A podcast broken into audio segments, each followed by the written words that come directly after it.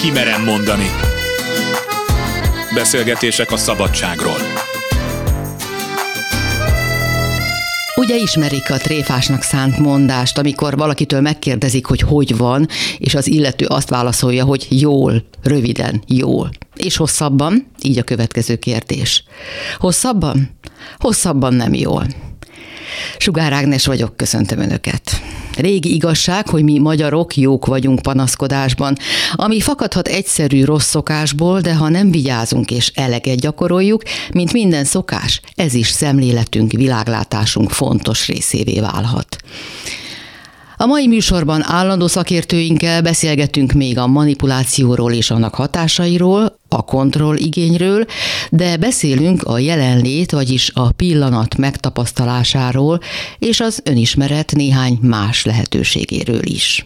Elsőként Síklaki István szociálpszichológus következik. Olyan sokat hivatkozunk arra, hogy milyen jó lenne rendben lenni, ugyanakkor pedig rengeteget bántjuk egymást. Hát ez egy kulturális dolog, tehát egyszerűen, ha megkérdeznek bennünket, akkor, akkor reflexzerűen, most a, a magyar kultúrában mindenképpen van ez, nem, nem minden kultúrában van, de van egy ilyen alapállás, hogy akkor panaszkodunk, hogy ez se jó, meg az se jó, meg ezt csinálták meg azt csinálták velem. Ebben növünk bele, és ez az elvárás. Mondjuk az iskolában ezt tanuljuk, otthon ezt halljuk, és egyszerűen megtanulja a gyerek azt, hogy az elvárás az az, hogy, hogy ha megkérdezik, hogy mi a helyzet, akkor azt kezdjük el mondani, hogy mi nem megy jól. Mi ugye az ember az egy nagyon kooperatív lény, akkor jó a kapcsolataink, ha megfelelünk az elvárásoknak. És hogyha én tudom, hogy a barátom a kocsmában azt várja el tőlem, hogy palaszkodjak már egy jót a sör mellett, akkor én akkor vagyok boldog, és akkor vagyok jó társas lény, hogyha kielégítem ezt az elvárását, és panaszkodok egy jót de ez egy kulturális sztorizás, és nagyon távoli kapcsolatban áll avval, hogy tényleg mi megy végbe az embernek a lelkében. Hogyan ne engedjük, hogy mások diktáljanak nekünk, akár szavakkal, akár tettekkel manipuláljanak bennünket? Hát először is nem biztos, hogy nem kell engedni.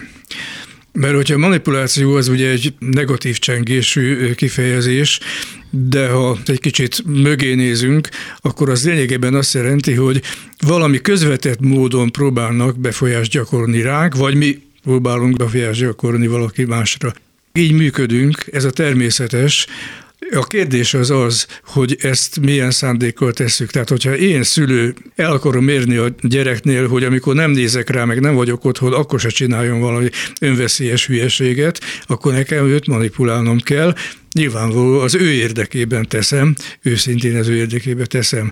És akkor van a másik fele, amikor viszont azért teszem ezt a fajta befolyásolást, mert az ő rovására a saját érdekemet akarom érvényesíteni. A mechanizmus az lényegében ugyanaz. Az eredmény azon múlik, hogy, hogy mi volt az én szándékom, a másiknak a kihasználása, a másik kárára az én erőnyöm megszerzése. Ez az, amit ilyen értelemben szoktuk a manipulációt manapság használni, vagy pedig az, hogy a másik érdekét szem előtt tartva hassak rá úgy, hogy ne ellenállást váltsak ki belőle, hanem egy olyan reakciót, ami neki is jó. Pszichoterápia egyébként erről szól. Tehát én azt mondom neki, hogy ne legyél neurotikus, ez nem működik. Azt kell elérnem, hogy ő maga azt akarja, úgy akarjon viselkedni, ami a továbbiakban aztán egy kiegyensúlyozott életvitelt eredményez. Ezt parancsal nem lehet elérni, csak manipulációval vegyünk egy olyan munkahely légkört, amikor az ember vagy tartozik bizonyos gruppokhoz, vagy nem tartozik, és a tartozik pontosan tudja, hogy azért, mert manipulálják, és ő beáll ebbe a sodorba. Tehát valakinek az érdekeit szolgálja ezzel. Szerintem használják inkább a befolyásolás kifejezést, Jó. mert a manipuláció már eleve prejudikál valamit. Igen, természetesen vannak mindenféle befolyások, és ezeknek hol tudatában vagyunk, hol nem, hol tudatosan engedünk neki, hol nem. Akkor káros, hogyha ez tartósan valami módon ütközik a személyes Hát leginkább az én képemmel, leginkább a pozitív képemmel. Hogyha én egy értelmes, szuverén, önállóan dolgozó embernek tartom magam, aki jól és lelkismeretesen végzi a munkáját, és közben engem állandóan izéleket a főnököm, és állandóan letol pedig hát ő a hülye, mert én tudom, hogy azt hogy is kell csinálni, de azért, hogy megmutassa, hogy ő a főnök állandóan letol, akkor nyilván ezzel folyamatosan belegázol az én pozitív önértékelésembe, és ezt a szituációt nehezen viselem, hogyha jól működnek az ösztöneim, akkor fölmondok. Mi a vélemény a reklámokról, vagy a divatirányzatokról, arról a fajta manipulációról, amit a közvélemény hoz az életünkbe? Hát ez egy nehéz kérdés, mert, mert nem igazán lehet kiküszöbölni, azt hiszem. Egy kőkemény diktatúrával esetleg ki lehetne küszöbölni, de azt jelenti, hogy ki kell váltani egy másik fajta. Ideálisabb helyzet nincs? Nem nagyon, nem nagyon. Tudok, a reklám, a divat és ezek a hasonló dolgok, ezt úgy hívják, hogy fertőzés, társas fertőzés, társadalmi fertőzés. Tehát úgy terjednek, hogy nem kommunikáció, nem racionális megfontolás, bérlegelés, jól áll nekem, nem áll jól nekem, hanem egyszerűen csak azt veszem észre, hogy abban érzem magam jól, ami éppen divatos. Valamitől van az embernek evolúciósan egy késztetése arra, hogy bizonyos közös dolgokban részt vegyen, valahogy kifejezze a valamilyen kollektívához tartozását, és egyszerűen nem tudja, hogy miért, de nem érzi jól magát, hogyha, ha, ha nem fejezi ki. Tehát amikor a csőnadrág volt divat, és Jan Pecok voltunk tinédzserként a 60-as években, akkor egyszerűen rosszul éreztem magam, hogyha nekem nem csőnadrágom volt, és nem volt egy magyarázat, meg semmi, mert oda akarok tartozni ahhoz a világhoz, aminek most éppen ez a megnyilvánulása, tíz év múlva a trapéznadrág lesz a megnyilvánulása. Tehát ezek ilyen ösztönös dolgok, az ilyenfajta divat hatások. És ez tulajdonképpen nem a szabadságunk korlátozását jelenti? Ez nem jelenti a szabadságunk korlátozását, ott válik el a dolog, hogyha ezzel nagy gazdasági, politikai hatalmú szervezetek megpróbálnak visszaélni. Hála Istennek nem nagyon tudnak. Próbálnak, mindig próbálnak, de nem nagyon tudnak. A divat általában szuverén, pontosan azért, mert nem tudatos, tehát nincs az a zseniális manipulátor, aki ki tudja azt találni, hogy mi lesz a divat. Megírhatják, hogy a 2021 divat színe az ez és ez, nem ezek működnek igazából. Na de és például az, ami most zajlik, a Facebook, vagy a Twitter, vagy, vagy az összes többi divatból is csináljuk tulajdonképpen, és elképesztő Igen, de nem arról van szó, hogy ezek a fiatal emberek kitalálták, hogy így fogjuk manipulálni a világot, hanem millió fiatal ember csinál mindenféle hülyeséget, és egyszer csak hopp, a Facebookból divat lesz. És aztán már alkalmas a manipulációra is. Persze, világos, hát hogyha egy, egy, egy ilyen indul, akkor azzal lehet visszajönni, de maga a, a gerjesztése az nem valami óz, a nagy varázslóféle dolog. Hogyan éljük meg azt, hogy szintén a szabadság témájánál maradva, hogy ne a múlt fogságában éljünk, és ne a jövőtől való rettegésben vagy tervezgetésben. Tehát, hogy ne ez töltse ki a horizontunkat, hogy mi volt, milyen szörnyű volt, vagy milyen jó volt, és mi lesz vajon, milyen szörnyű lesz, vagy milyen jó lesz. Igen, hát ez egy nagy divat, ugye ez a mindfulness. Éljünk teljes mértékben a jelenben, ne foglalkoztasson a múlt, és ne foglalkoztasson a jövő. Én ebben nem hiszek. A mindfulness ugye az, amikor az jelen idejűséget, az egyidejűséget tapasztalom meg. Igen. Koncentrálás és légzés technika segítségével. Igen, igen, igen. Bizonyos helyzetekben értelmes dolog lehet egy ilyen mindfulness meditáció, amikor az adott szituációban az a sikeres viselkedés kulcsa, hogy ezeket kiiktatom. De ez egy konkrét helyzetre tud ez szerintem csak érvényesülni. Normális ember nem élhet a mában úgy, hogy, hogy nincs vele a múltja meg a jövője. Már csak azért is, mert illúzió azt gondolni, hogy a kezünkben van a tudatos mérlegelésünknek az alanya. Nem. A múltunk is, meg a jövőnk is, az ott van bent ebben a tudattalan világképünkben, és az alakítja a viselkedésünket, az, hogy hogyan dolgozzuk fel bennünk érő impulzusokat, és hogy abból milyen eredményre jutunk. Úgyhogy én ezt őszintén szóval ezt egy, egy jó technikának tartom bizonyos helyzetekre, mondjuk lámpaláz ellen például, hogyha én fölkészülök, akkor egy mindfulness ilyen meditációs öt perccel elérhetem azt, hogy, hogy sikerüljön leküzdeni arra a szituációra a lámpalázamat, hogy ne azon járjon az agyam, hogy úristen, mi lesz, hogyha fölsülök. Tehát ilyen típusú helyzetekre nagyon jó, na de hát ez nem egy élet. Nyilván nem véletlenül lett ebből is divat, mert ez már nagyon elterjedt.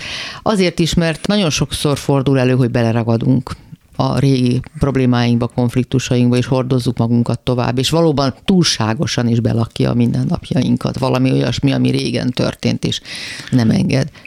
Így van, hát ez egy komoly feladat mindenkinek a számára, hogy ne ragadjon bele, csak azért nehéz, mert Ugye ezt úgy hívják, hogy a, a nem kívánt gondolatok, ne gondolja fehér elefántra, nem tudom, ismeri hogy ezt ne, történetet. Ha én mennél inkább nem akarok rá gondolni, annál inkább gondolok rá, ez egy paradoxon. Az, hogy ezzel hogyan tud valaki megküzdeni, az nem egy egyszerű dolog, mindenkinek meg kell találni a módját. Ebben lehet egyébként segítséget kapni szakembertől, és átmenetileg mondjuk egy mindfulness technika segíthet abban, hogy helyzetről helyzetre időnként kizökkentsen engem ebből a beragott lemezből, de egy, egy tartós életvitelt ezzel nem lehet megoldani. Egyébként pedig azt gondolom, hogy egy normális, egészséges ember időnként belefut óhatatlanul ilyen nem kívánt gondolatokba, amit nem tud nem gondolni rá, és aztán elmúlik. Ha ez valakinek nagyon beragad, úgyhogy már nehezíti a, az egészséges életvitelét, az viszont egy pszichológiai probléma, azzal szakemberhez kell fordulni.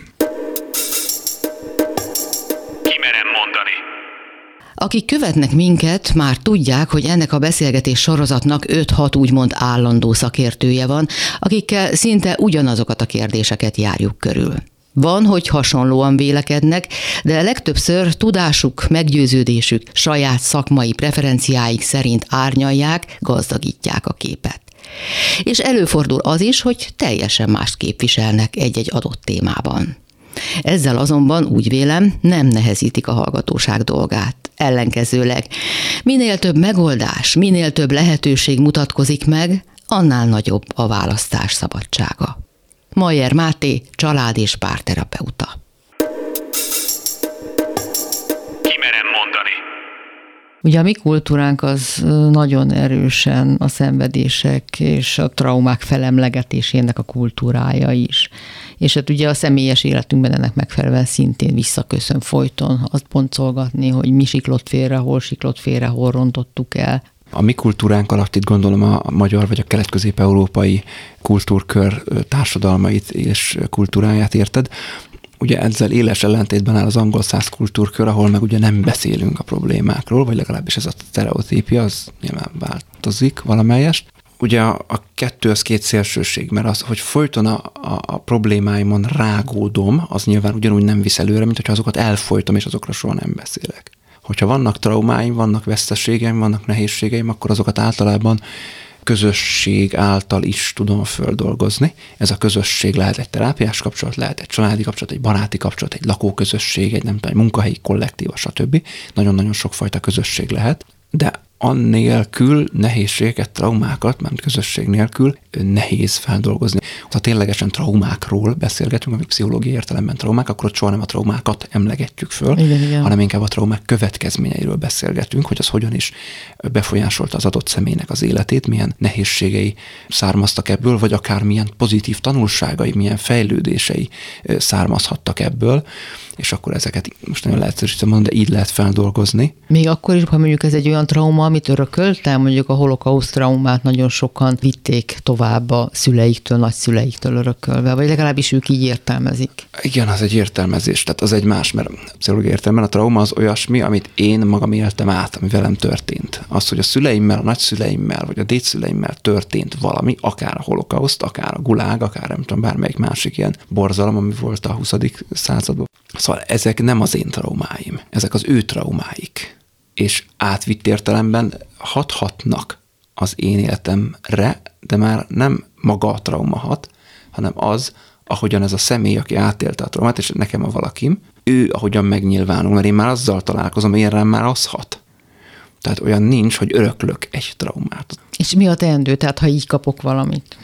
Tehát, hogy én azért vagyok szorongó, hallottam már ilyet, azért aggódom mindenért folyamatosan, mert az anyám sosem tudta elengedni a holokauszt traumáját, és ezért minden is mindenki iránt bizalmatlan és szorongó, és én ezt, ugye, ezt átvettem, ezt örököltem tőle. Hát amennyiben ezt egy felnőtt ember mondja, akkor ez pont ugyanolyan, mint hogyha azt mondaná, hogy, hogy én amiatt vagyok depressziós, mert a, mert a szüleim így meg úgy bántak velem. De nem. Te nem azért vagy depressziós, mert nem azért szorongasz, Lehet, hogy ott tanultál egy mintát, ami ehhez nagy segítség volt, hogy te ilyen legyél, de most már azért szorongsz, vagy azért vagy depressziós, mert te csinálsz magaddal valamit. Azt már te csinálod, és az a te szabadságod, hogy ezt másképpen csináld. Tehát amikor azt mondom, hogy azt te csinálod, akkor itt nem áldozat hibáztatásról beszélünk, félre ne értse bárki, hanem itt pont annak a szabadságát igyekszünk megmutatni, hogy ha ezt te így csinálod, és ez rád így hat, akkor ezt te csinálhatod másképp is, és akkor lehet másmilyen életed. Mert hogyha azt mondanánk, hogy igen, neked igazad van, te ezt onnan örökölted, és ezzel semmit nem lehet csinálni, akkor itt meg is áll a tudomány. És sokkal rosszabb, mint hogy azt mondjuk, ami egyébként valójában van, hogy te valamit megtanultál, valahogyan hatottak rád, mondjuk a szüleid.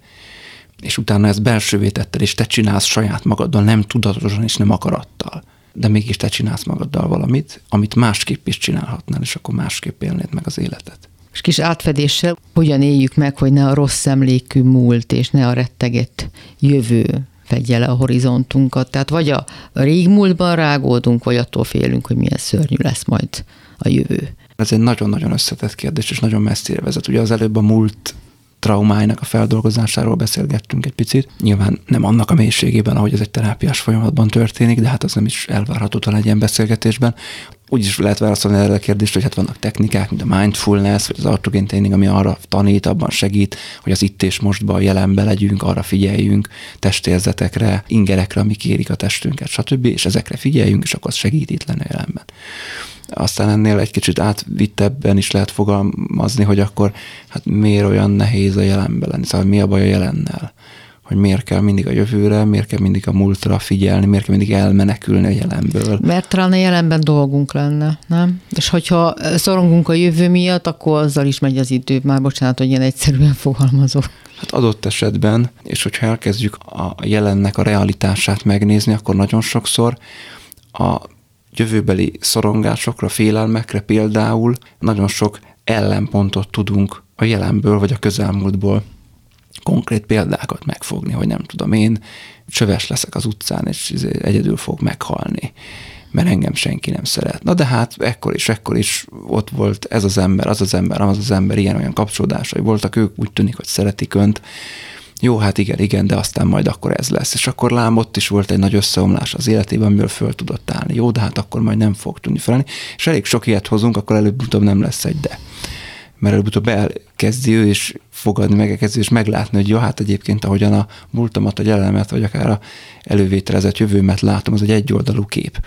Ugye a múlt, tehát ha most nem konkrétan traumákról beszélünk, hanem hiányokról, nehézségekről, fájdalmakról, akkor ott nagyon sokszor fontos eleme a terápiás munkának, vagy akár egy baráti beszélgetésnek is lehet fontos eleme az, hogy azt is megnézzük, hogy de mi működött jól.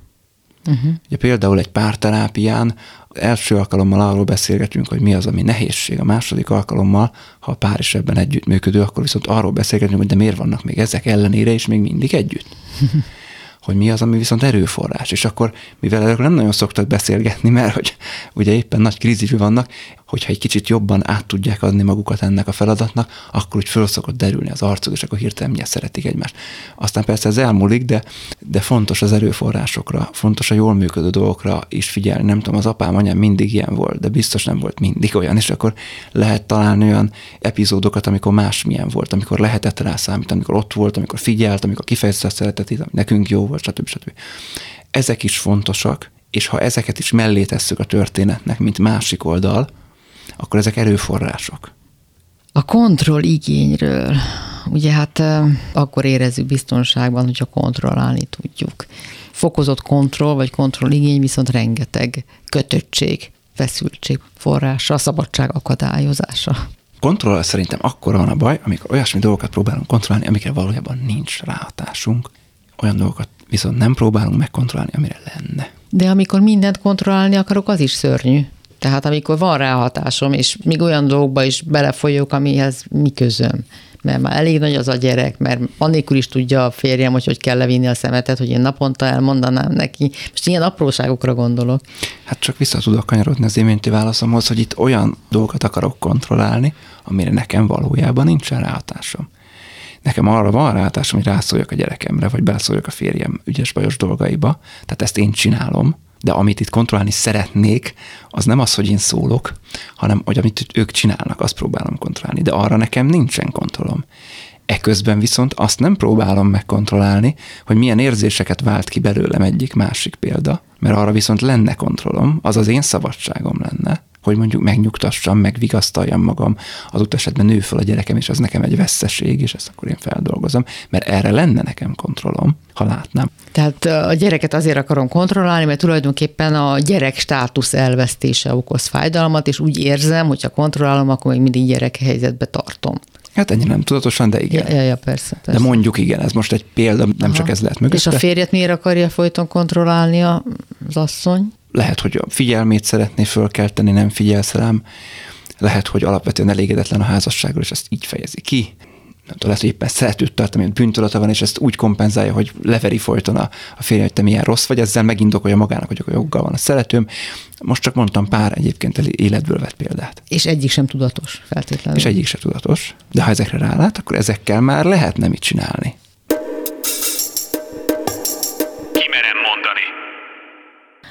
Hatalmunkban áll le a gondolataink és ezáltal a cselekedeteink az életünk irányítása vagy a külső-belső világ hatásainak, impulzusainak pusztán elszenvedői vagyunk?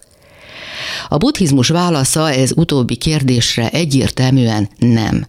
Pontosabban, ha úgy érzékeljük, hogy kiszolgáltatottak és elszenvedők vagyunk, akkor nem tudunk eleget.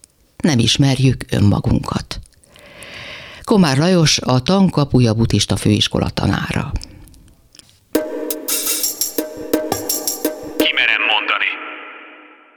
Beszéltünk arról, hogy a szellemi út az azt is igényli, hogy önmagunkkal minőségi időt töltsünk.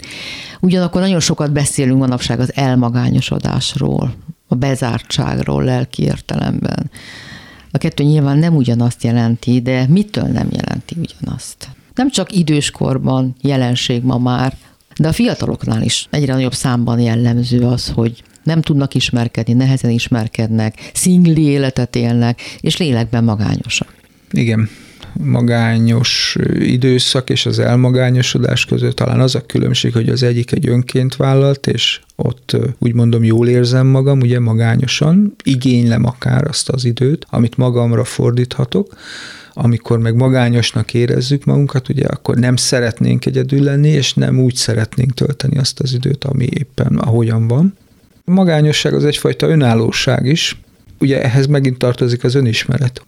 Szellemi értelem, hogy mit szeretek, mik a céljaim, mi az, amitől fejlődést remélek, ahol megtapasztalhatom ezt a minőségi változást, ezt kellene valamelyest tudnunk, hogy olyan szabadidős tevékenységet csináljunk, akár egymagunk is, ahol önismeret, új tudás megszerzése, egyfajta kiteljesedés vár ránk. Ez annyira kell ismerjük magunkat, hogy mi az, amit szerintünk nekünk jót tenne. Lehet, hogy majd menet közben kiderül, hogy tévedtünk, vagy ez nem is ér annyit ez a dolog, de ahhoz először meg kell próbálni. Összefügg az önismerettel, meg az élet célunkkal. Tehát, hogy mit szeretnénk elérni az életünkben, bármi is legyen az, és azért mit kell tenni ahhoz, ezeket végig kell rendesen gondolni, és utána neki kell állni. Mi van akkor, amikor végig gondoljuk, hogy mit szeretnénk, és csupa olyasmivel botlunk, ami nem lehetséges, és mi mégis makacsul ragaszkodunk, hogy de, de, de, de egyik sem adatik meg, és egyik sem lehetőség, és mégsem tudok ezen túllépni, helyette szomorkodom, bánkódom, és becsapottnak érzem magam a sors által. Hát ha nagyon szeretnénk, és mégse sikerül, vagy nem érjük el, vagy nem látjuk megvalósíthatónak, akkor lehet, hogy részfeladatokra kell bontani azt a célt, ahogy el tudjuk képzelni, hogy miben kell változzak, változtassak. És akkor idő és energia, hogy azokat a készségeket, tulajdonságokat megszerezzem, elsajátítsam. Tehát lehet, hogy egy lépcsőben nem is tudjuk elérni azt a bizonyos vágyott célt, hanem évekig fog tartani, hogy kiműveljem magam arra a szintre, hogy elérjem azt a dolgot. Úgyhogy ezt fel kell mérni, hogy például ére annyit, hogy én éveket töltök ezzel, hogy majd elérem azt a valamit, amit most nagyon szeretnék. Vagy így maradok és panaszkodom. Igen, Mindenképp valamin változtatnunk kell, hogyha van ilyen konfliktusunk, problémánk, vagy valamit szeretnénk, de egyelőre nem látjuk, hogy hogyan érhetnénk el, valamin változtatnunk kell. Lehet, hogy tanulnunk kell, fejlődnünk kell. Bizonyos területeken lemondani, áldozatokat hozni, hogy, hogy időt, energiát tudjunk forgatni a másik tevékenységbe. A titok talán az, hogyha elkezdjük, akárhogy is, de elkezdjük felépíteni azt az új életvitelt, akkor tapasztalunk, és onnan már láthatjuk a következő, meg az azutáni lépést. Amíg nem állunk neki, addig a tervezőasztalon marad ez az új személyiség, ahol rengeteg akadályt tudunk elképzelni, rengeteg segítőerőt tudunk oda képzelni, de nem tudnak megnyilvánulni egyik se, hiszen nincs konkrét helyzet, amiben részt tudnának venni ezek a külső erők, külső szereplők bele is kell menni a helyzetbe. Most egy kicsit beszéljünk buddhistául. Vannak olyan kifejezések, amiknek azt hiszem, hogy nincs is pontos magyar megfelelőjük, inkább csak körülírni lehet őket, de a buddhizmusban nagyon fontos meghatározások. A bóthi, aminek köze van a nirvánához, mit jelent a buddhizmusban a bóthi kifejezés? Hát az a felébredett, tiszta, vagy megvilágosodott tudat, amire törekszünk, amit nem szennyez, nem befolyásol a belső téves szemlélet, téves nézetek, erős érzelmek. A buddhista hagyományban megszabadulásnak hívnak, az a szenvedéstől vagy problémától való megszabadulás, és egy beérkezett, felülemelkedett, boldog tudatállapot elérése, ez lenne a nirvána. Tehát valami kioldódik, kioldódik, és ezek azok a bizonyos erők, mozgatórugók, amik úgy érezzük, hogy kényszeresen rángatnak. Ezek a saját szokásaink, a saját hiedelmünk, nézeteink, és amit külső kényszernek élünk esetleg, meg ott is nagyon gyakran az, hogy nem tudjuk elképzelni, hogy lehetne másképp. Úgy érezzük, hogy kicsik vagyunk, erőtlenek vagyunk, és ki vagyunk téve ezeknek a külső hatalmas erőknek. Hiedelmünken kell változtatni igazából, nem a külső körülményeken feltétlenül értik a ez alatt? az a, ami saját szemléletünk, ami, ami munkálkodunk, hogy megtisztítsuk, kiteljesítsük, kiterjesszük ezt a tisztánlátást.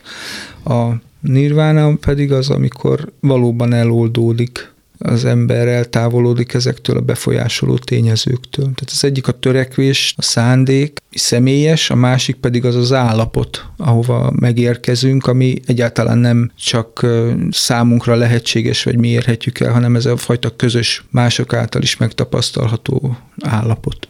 Milyen különös, vagy hát egyáltalán nem különös, hogy a buddhizmusban ezekre nagyon pontos fogalmak vannak, míg mi csak körülírni tudjuk ezeket a folyamatokat. Igen, hát ott is iskolánként, hagyományvonalanként van egy kicsit eltérő szókészlet, és történelmi korszakokban adott kifejezés, esetleg jelentés változáson megy keresztül, de hát mi most általánosságban fogalmazunk, itt nem egy konkrét iskola hagyomány szerint, hanem általában, ahogy ezt uh-huh. olvassuk, hallhatjuk.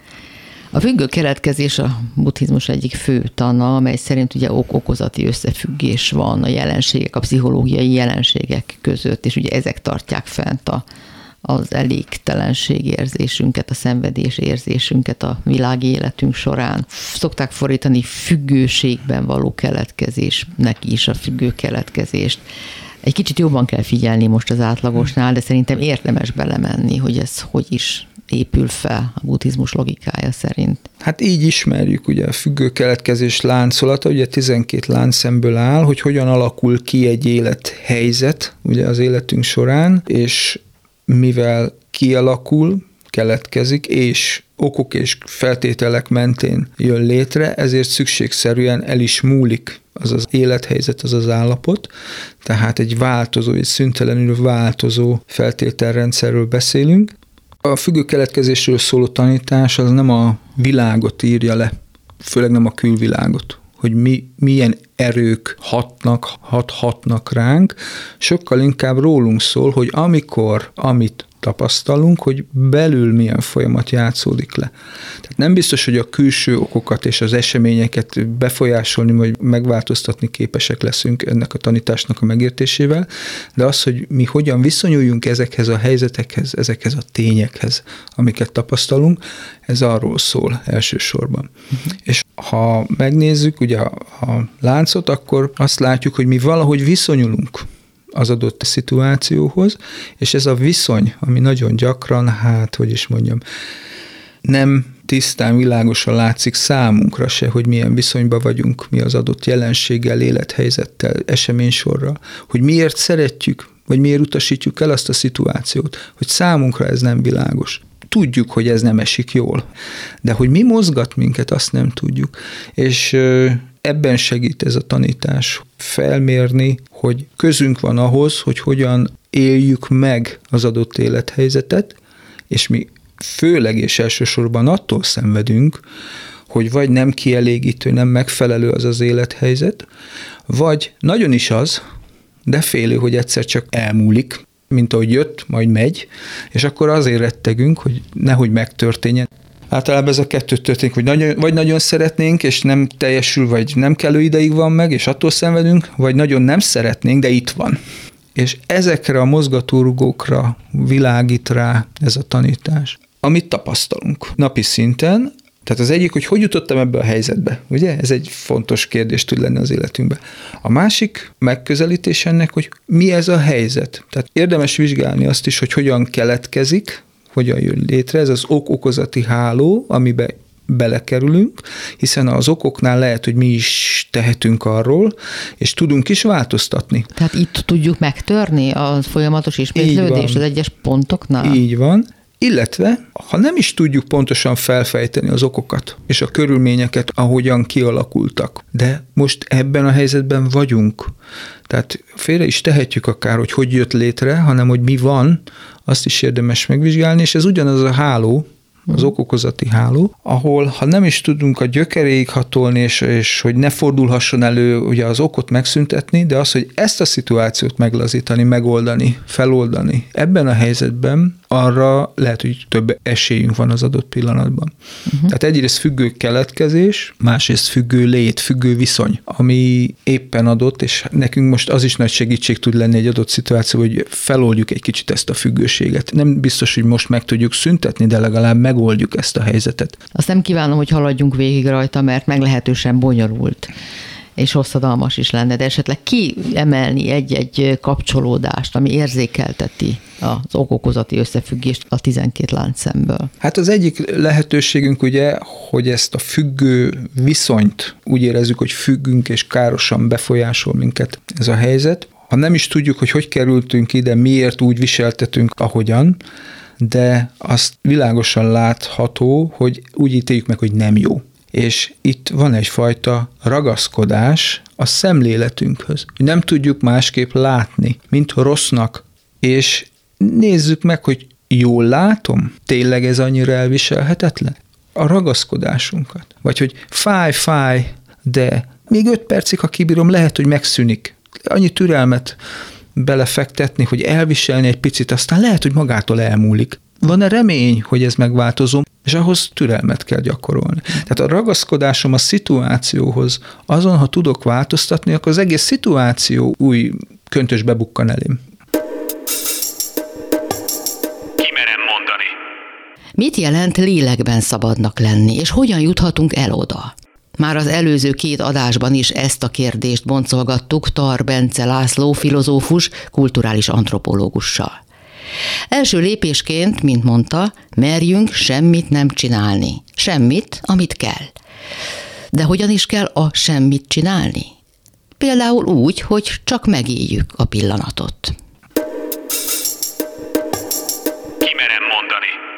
Visszatérek megint arra, hogy mit szólnak hozzá mások. Tehát amikor nyomasztanak, kérdéseket tesznek fel, értetlenkednek, tehát ami körülvesz egyébként is minket a hétköznapokban, pláne ha még egy ilyenfajta életmód vagy szemléletváltást képviselünk, akkor mivel találkoznánk. Teljesen igazad van, más emberek szemében ez gyakran egy, egy értetetlen bolondságnak tűnik, egy, egy bölcs bolondságnak, vagy egy bolond bölcsességnek, tehát mész a, a napsütésben, vagy nem tudom, akár az esőben ki mit szeret, és egyszer csak megállsz egy pocsolyánál, és úgy érzed, hogy bele kell lépned, mert olyan rég léptél bele egy pocsolyába, és csak nézed, ahogy a karikák a cipőt körül keletkeznek, és benne hogy játszik a fény, és hogy itatódik lassan át a cipőd a vízzel, és te ezt nem egy negatívúnak éled meg, hanem valamiért egy pillanatnyi csodának, ami örömet okoz neked. És a mások meg azért, most te mit csinálsz?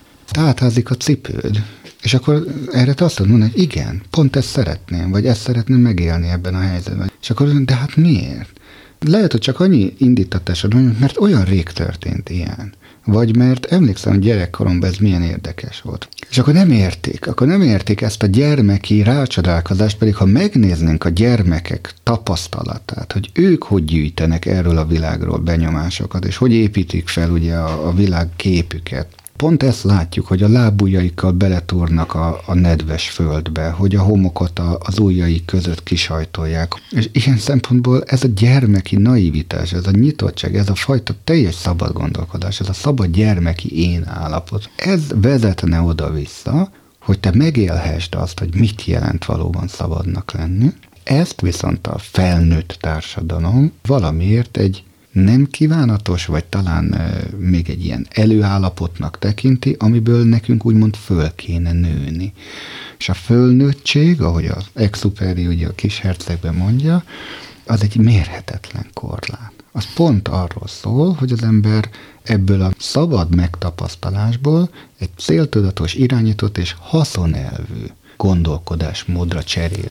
Olyan, mint egy fátyol. Nem lehet, hogy ez a kötelező, hogy ez azért alakult így, mert ennek így kell lennie? Tehát, hogy mi most békétlenek vagyunk ezzel, meg boldogtalannak mondjuk magunkat, de lehet, hogy nem is kell boldognak lennünk. Nagyon érdekes a nyugat-európai civilizáció kultúrtörténete, ahol a szenvedés vágy és a boldogtalanság az egy kulturális norma elnézést kérek előre az új keresztényektől, akik ugye pontosan visszatalálnak ahhoz, hogy ez nem törvényszerű, hogy így legyen, de egy középkori interpretációban mindenképpen arról volt szó, keresztény európai kultúrkörbe, hogy ez a világ, ez szükségszerűen egy szenvedés helye. Ez a boldogtalanságnak, a síralomnak a völgye, és ebből egyetlen egy felszabadulás van, az a halál, és a halál utáni élet fogja majd a boldogságot jelenteni.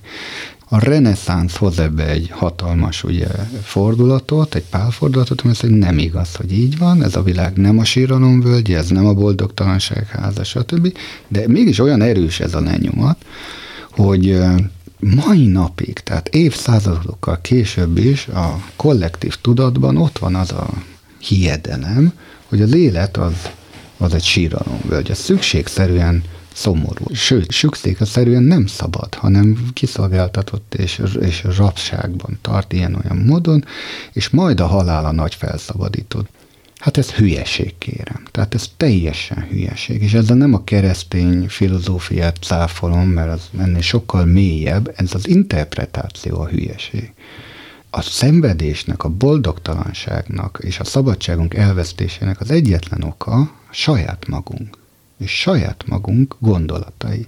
Hogy mi azt hisszük, hogy nem vagyunk szabadok, hogy mi úgy értelmezzük magunkat, hogy nekünk külső-felső feltételeknek folyamatosan meg kell felelni, akkor is, hogyha ez szenvedést okoz. És aki erről már a hit részét, a vallási részét leválasztva azt mondja, hogy de hisz a társadalom így tud szervezetten is rendben működni, arra mi a válasz? Hát az, hogy sok alternatív társadalom kép volt, ami a szabadságra épült volna, ami azt mondta volna, és azért mondom feltételes módban, mert egyik se valósult meg ennek közül, mint utópiák, de mint eszmények mindenképpen, és mint filozófiai gondolatkísérletek, igen, hogy mi lenne, ha egy társadalom úgy szerveződne, hogy mindenki azt csinálja, amit akar, amit ő saját maga akar, ami a saját akaratát próbálja érvényesíteni. És itt jön az a negatív, és ez megint a keresztény hitvilágra muszáj ezt visszavezetni, mert ennek a gyökere az, hogy a keresztény kultúra azt állítja az emberről, hogy a teremtett ember az meg lett mérgezve, meg lett rontva, hogy van valami gonosz a világban, sátán, aki megrontja az embert, és az embereknek a szabadságot adnál, akkor ez a megrontott ember ugye megmérgezni, és ugye ember embernek farkasává válna, és ez összeomlan ez a társadalom. Tehát nem szabad szabadságot adni az embereknek végső soron, mert ezzel a szabadsággal ők visszaélnének, és ez a megrontott emberi természet nem tudná létrehozni egy ilyen szabad elvű társadalmat. Ne felejtsd a fonalat, de muszáj közbevágnom, hát annyi gonoszságot látunk, annyi emberi sötétség bukkan felszínre. Ugye ez is olyan érdekes, mert ezt sokan mondják nekem, én meg mindig ilyen kerek szemmel nézek, hogy nem is tudom, hogy mire gondolsz. Itt jön ugye, hogy mennyire a tudatunk teremti a mi saját személyes élettapasztalatunkat, hogy mi mit élünk meg. Az én hétköznapjaimban és lehet, hogy csak azért, mert én nagyon tudatosan elzárom magam sokszor a híradásoktól, nem ezzel találkozom. Én olyan emberekkel találkozom, akik csodálatosak, akiknek teremtő gondolataik vannak, akik művészek, filozófusok, emelkedett emberek, szebbnél szebb gondolatokat hoznak a világba, és az én ismerettségi köröm, baráti köröm nem mondom, hogy kizárólag, de 99%-ban csak pozitív példákat hoz. Tehát, Tehát neked nincsenek is konfliktusaid a hétköznapi élet során. Te nem haladsz szenvedő gyerekekről, vagy elnyomott Hallok erről? Hát, hogy létezik olyan, hogy házasságon belüli erőszak, vagy népírtás, háború, a mai napig a világ különböző pontjain. De természetesen hallok erről, tehát ez naív lenne azt mondani, hogy nem. Sőt, tehát nyilván nem ülhetnék itt, és osztanám az ezt, hogyha nem látnám a világot a maga teljességében. Én azt gondolom, hogy ennek a, a mennyisége korán sem annyi, mint amennyinek beállítják. Én inkább az arányokkal vagyok mindig egy nagy kérdésben, hogy vajon a világban élő 7,5 milliárd emberből hány az, aki ezt csinálja? valószínűleg kevesebb, mint a 10 százaléka. Tehát a 90 százalék az embereknek nem ilyen az a szabadságával jól selfárkodik, hogy így mondjam, és valami hasznos szerepet vállal, vagy úgy építi fel az életét, hogy az, ez a fajta szabadsága másoknak ne legyen a kárára. És van 10 százalék, aki ezt a szabadságát arra használja, hogy egyébként, ahogy te is mondod, erőszakoskodjon, háborúzzon, nem tudom én, kihasználja az élethelyzetet. És nem félő, hogy ők kerülnek az erőszakosságuk folytán hatalomra? De, de nagyon valószínű, hogy hát ugye akiben a szabadság vágy egy ilyen eltorzult formában jelenik, mások szabadságát korlátozó irányba változik, azok kerülnek így van hatalmi helyzetbe, és azok fognak valóban uralkodni másokon. Ez egy érdekes paradoxon, hogy mi mit kezdjünk ezzel, akik egyébként béketűrők, békeszeretők és más irányultságok vagyunk, hogy hagyjuk-e ezt a fajta eltorzult uh, szabadságvágyat ilyen irányba hát igen. érvényesülni. Ha nem hagyjuk, akkor mi magunk is erőszakossá válunk, nem? Hát sokszor, igen, igen. Szóval ez egy összetettebb kérdés valóban, ez, ez negatív értelemben vissza tud hatni, és ugye kiprovokálja. Azok, akik szabadon a mi szabadságunkat akarják korlátozni, akkor mi is visszakorlátozunk az ő szabadságukat, és ez a háborút, a konfliktust, az erőszakot, minden ilyet. Itt a mérték, megint ide tudok visszatérni. A mérték a kulcs szó. Az lenne a kulcs mindennek görögök se tudtak mást mondani, mint hogy ezt a fajta arany közepet megtalálni. Nem azzal van baj, hogy az emberek nem abszolút szabadságban élnek. Nem is élhetnek, hiszen valóban a mértéktelen szabadság, vagy az abszolút szabadság, amiben semmiféle igazodási kényszer másokhoz nincsen, az lehetetlenné teszi az együttélést. Tehát kell egy társadalmi konvenció, kell egyfajta korlátozása az emberek egyéni szabadságának, ahhoz, hogy ez a kollektív va egymással békében és jólétben tudjon élni. Hála Istennek, hogy a mi civilizációnkban azért megvannak a irányító eszközök, hogy ezt hogy hozzuk létre, de nem szükséges, vagy nem lenne feltétlenül szükséges. Igen, mert hogy ott mert hogy innen ott szakítottunk, meg. Igen. igen. Hogy nem feltétlenül lenne szükséges olyan egyedek, és itt ez nagyon fontos lábjegyzet, aki most kapcsolódik csak bele a beszélgetésbe, hogy innen vegye fel a vezérfonalat, hogy olyan emberek esetében nem szükséges ugye a szabadságnak a korlátozása, akik szellemi értelemben megfelelő önismerettel rendelkeznek, és valóban tudják azt, hogy bennük mi zajlik.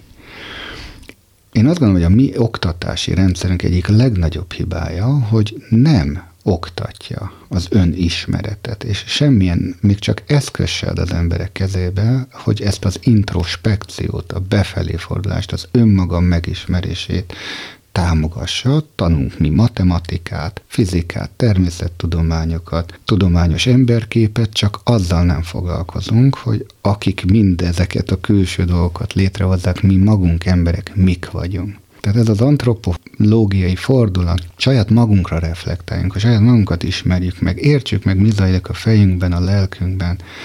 Ez sokkal nagyobb hangsúlyt kell, hogy kapjon, sőt, elengedhetetlen feltétel az, hogy az embereket szabaddá tegyük, és ők a szabadságukkal élni és ne visszaélni tudjanak.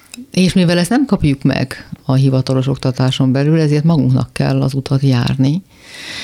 Nem biztos, hogy olyan nagy baj egyébként, mert gyerekként felnövekedve, aztán kiskamaszként, kamaszként, mintha az lenne a dolgunk, hogy belemerüljünk az életbe, megismerjük egy csomó nehézségét, egy csomó kihívását, egy csomó szépségét, tehát hogy tapasztaljunk, távolodjunk ettől a belső középponttól, és aztán majd a magunk zsírján visszatérünk a magunk kudarcai és nehézségei árán, mintha ez is egy program lenne. Tehát lehet, hogyha az iskolában elkezdenék tanítani, akkor egy csomó mindent nem is értenénk, nem is tudnánk belsővé tenni, hiszen nagyon sok múlik azon, hogy kitől kapjuk, nem mindenki tökéletes abban, amit képvisel, vagy művel, elvárható. Szóval ez, ez lehet, hogy ez egy normál normális út, hogy ahogy ez zajlik, nem?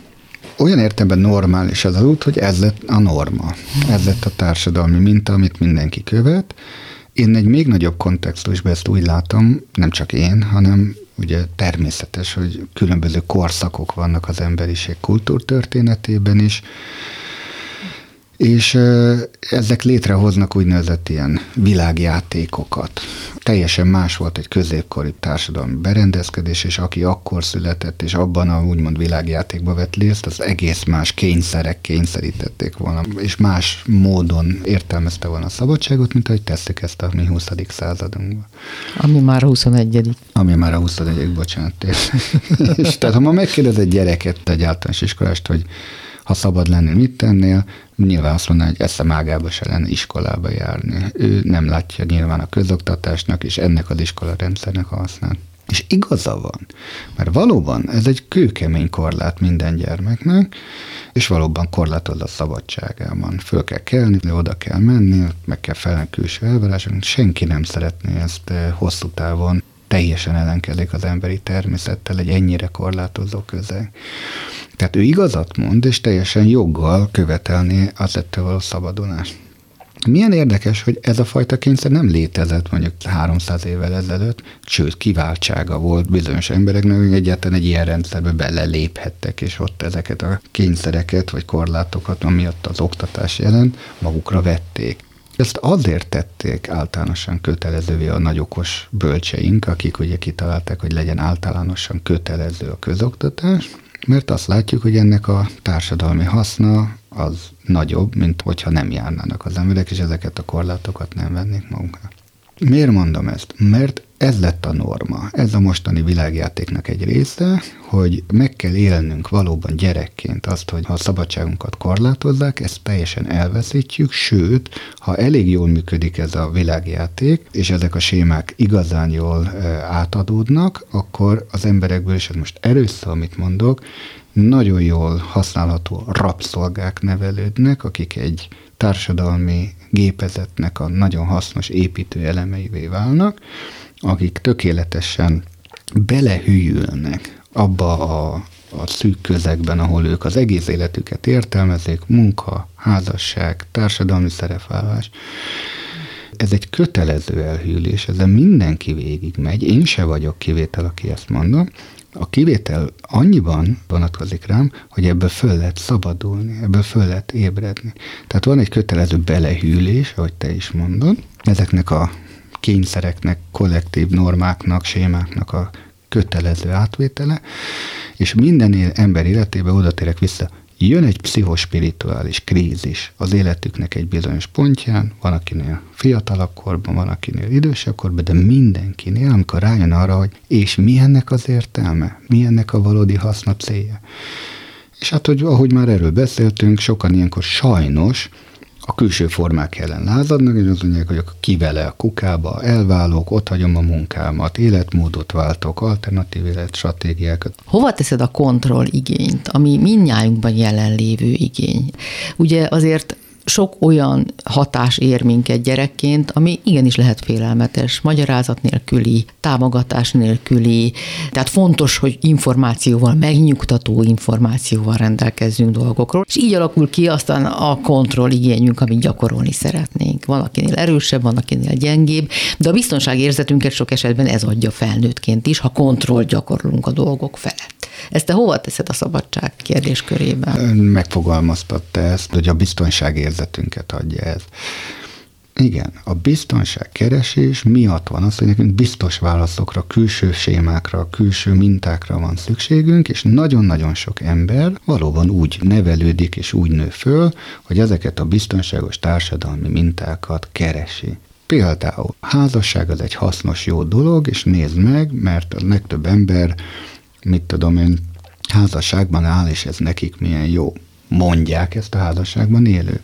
Aztán a társadalmi statisztikák azt mutatják, hogy a házasságok 90%-a vállással végződik, és úgy tűnik, hogy ez a házassági modell, amit egyébként mi még múlt század közepén egy hasznos mintának találtunk, ez mégsem az. A legtöbb ember ebben nem éli meg a szabadságot, a boldogságot, a biztonságot, hanem egy korlátot él meg benne, inkább boldogtalanság forrás lesz, mint a boldogság, tehát nem akar így egy ilyen például társadalmi mintát követni, de nem volt szabadsága. Tehát nem volt meg az, hogy ő rájön arra, hogy neki ez hasznos vagy nem hasznos, mert csak a mintát követte, a biztonság keresés vezette bele például ebbe, hogy ezt kövessen. Egyébként a hallgatóknak mondom, hogy 22 éve élek házasságban, és az első feleségemmel, és nekem ez működik. De én nem merném azt állítani, hogy ez minden embernek például egy követendő minta. De mitől működik?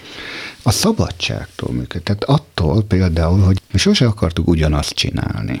És mi maximális mértékben mindig megadtuk egymásnak azt a lehetőséget, hogy, hogy mindenki tényleg azt, amit ő fontosnak él, azt ő maximálisan kiélhesse és kibontakoztathassa.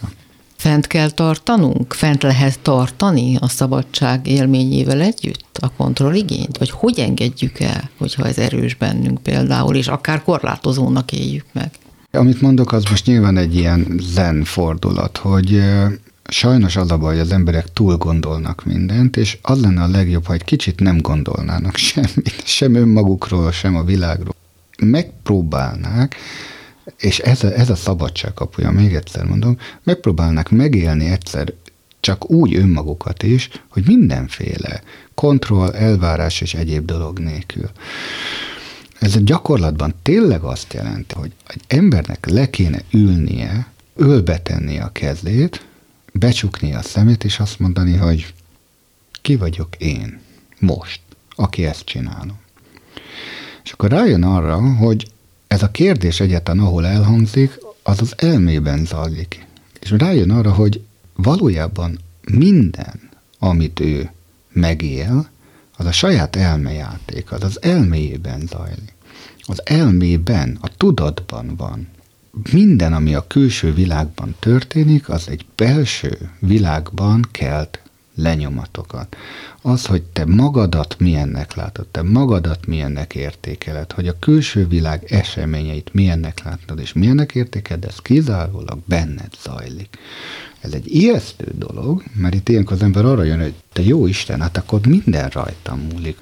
Minden. Kimerem mondani. Ha valaki most úgy érzi, hogy itt már tartottunk, hát igen, vagy mégsem. Remélem, hogy tudtunk újat és kipróbálásra érdemeset mondani. Köszönöm, hogy hallgattak minket, a folytatással egy hét múlva jövünk. Munkatársaim voltak Rózsahegyi Gábor, Budai Márton és Bíró Kristóf. Sugár Ágnest hallották. Kimerem mondani. Beszélgetések a szabadságról.